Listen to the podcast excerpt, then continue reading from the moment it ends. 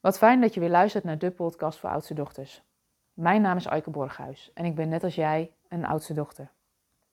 En in deze podcast wil ik het graag met je hebben over je niet in verbinding voelen.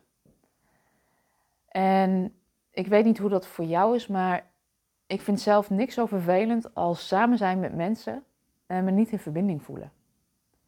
En ik betrapte mezelf daar de afgelopen kerstvakantie ook op. We waren met z'n vieren thuis. We hadden allerlei leuke plannetjes, maar die konden allemaal niet doorgaan vanwege de lockdown.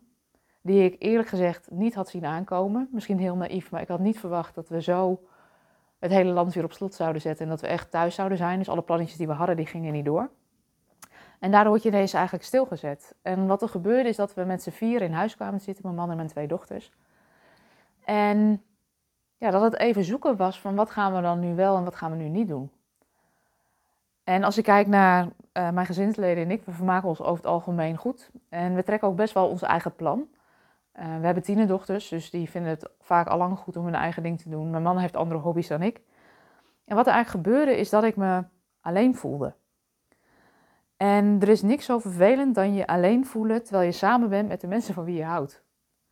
En wat er op dat soort momenten ook al gebeuren, is dat er gedachten om me heen komen van is mijn huwelijk dan niet goed genoeg? Is ons gezinsleven dan wel uh, de moeite waard?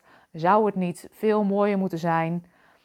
En vervolgens, wat er ook gebeurt, is dat ik denk, en ik moet ook altijd alles alleen doen. En ik ben altijd degene die de boodschappen doet en die zorgt dat het huis opgeruimd is. Um, ik ben degene die kookt. Um, en je hoort het al, uh, als ik niet uitkijk, dan verdwijn ik in dat slachtofferstuk. En dat slachtofferstuk is niet echt de fijnste kant voor mezelf. Dus daar word ik dan vervolgens ook weer boos over van, weet je, je moet je niet zo aanstellen. Er zijn mensen die het veel zwaarder hebben dan jij. Dus het rotgevoel wat ik heb, um, kan ik ook nog wel eens geneigd zijn om dat weg te drukken. Ja, mijn man had wel in de gaten dat er wat aan de hand was, dus hij stelde me ook de vraag van, wat is er eigenlijk? Wat, wat is er aan de hand? Kan ik je helpen? En we hadden daar een heel mooi gesprek over, waarin ik ook zei van, ja, ik voel me gewoon alleen. En um, dat voelt heel vervelend als we samen zijn nou, dat leverde eigenlijk een heel mooi gesprek op. En dat gesprek leidde er eigenlijk toe, of ik ontdekte in dat gesprek, is dat ik me niet in verbinding voelde met mezelf.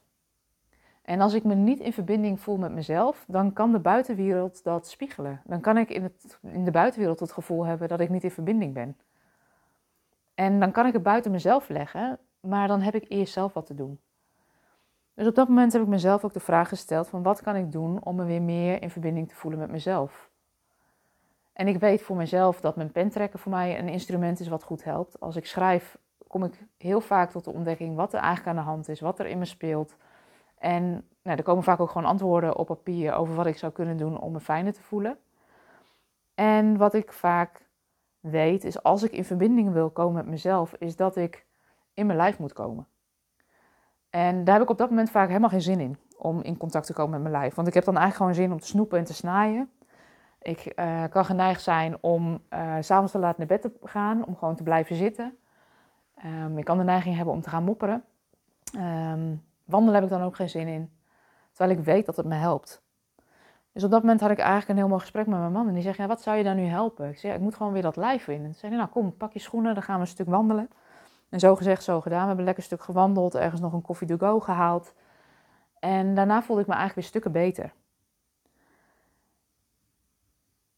als je voelt dat je samen bent met anderen en je voelt je niet in verbinding, dan kan dat behoorlijk alleen voelen. Dus het kan heel erg helpen jezelf om de vraag te stellen: voel ik me niet in verbinding met anderen of voel ik me niet in verbinding met mezelf? En om te kijken wat je zou kunnen helpen om de verbinding met jezelf weer te herstellen. Voor mij helpt het in dat lijf komen, naar buiten, de natuur in. Um, soms even lekker maf dansen. Uh, schrijven helpt voor mij. En het is de vraag van wat heb jij nodig om weer in verbinding te komen met jezelf? En wat ik om me heen vaak zie bij de oudste dochters met wie ik werk, is dat ze in hun hoofd de oplossingen gaan proberen te vinden. Wat er allemaal niet goed is, wat er allemaal niet deugt.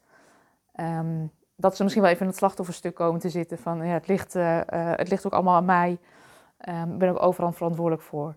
En het kan ontzettend helpen om ook je omgeving te vragen wat je nodig hebt. Ik weet bijvoorbeeld dat ik het dan heel fijn vind als ik me alleen voel, dat Peter me even een knuffel geeft. Of dat hij um, me vraagt of hij wat voor me zou kunnen doen. En over het algemeen wil je omgeving dat met liefde voor je doen. En het zit soms in kleine dingen. Even iemand die een verse kop thee voor je maakt. Of iemand die een keer de maaltijd voor je kookt. Of misschien wel de kachel voor je aanmaakt. Of je net even die liefdevolle schop onder je kont geeft als je geen zin hebt om te bewegen en dat eigenlijk wel nodig hebt of naar buiten te gaan. Mijn ervaring is op het moment dat je je niet in verbinding voelt met je omgeving, je dus alleen voelt, is dat je vaak niet in verbinding bent met jezelf. En de vraag is, wat kun je doen om die verbinding met jezelf weer te herstellen? Als je merkt dat je veel in je hoofd zit, dat het lastig is om dat lijf in te komen. En je zou het wel anders willen, weet dan dat we je ook graag zouden willen helpen. Om dat weer te leren hoe je dat zou kunnen doen. Mocht dat zo zijn, dan kun je altijd een afspraak met ons maken. We denken graag vrijblijvend met je mee om te kijken waar je nu staat en waar je naartoe zou willen. En wat je zou kunnen helpen om, uh, om daar te komen. Um, je kunt dan een mailtje sturen naar info.oudstedochter.com. En um, alleen al het bewustzijn van dat het niet altijd aan je omgeving ligt, maar dat je eerst weer mag zorgen voor die verbinding met jezelf, kan soms al ruimte geven. Daarmee wil ik deze podcast ook afsluiten. Dankjewel voor het luisteren. Ik wens je een hele fijne dag en uh, weet, het voelt soms alleen, maar je bent niet alleen.